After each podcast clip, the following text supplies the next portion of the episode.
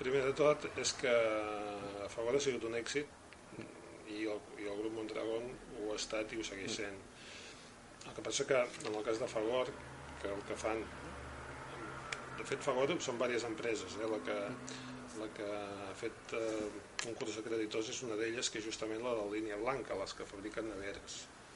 Llavors, eh, no podem oblidar que estem en un context de crisi, una crisi doncs, llarga i profunda, que un dels aspectes que va tenir, més que a banda del financer, va ser l'immobiliari.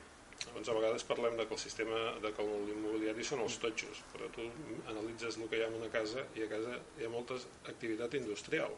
Per exemple, neveres. Doncs, eh, hi va haver un gran creixement en, en la venda de neveres, per què? Perquè la gent quan es compra una casa posa una nevera nova. Ara, en canvi, doncs, la gent, doncs, com que no compra cases, la nevera només la canvia quan se li espatlla i intenta doncs, que se li espatlli poc i que duri més.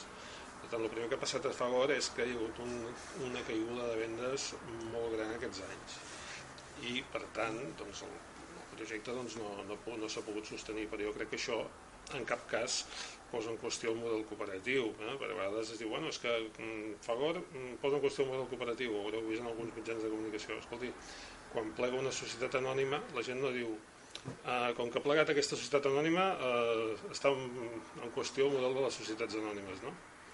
o quan plega un banc està en, bueno, doncs, eh, a vegades això es penalitza més no?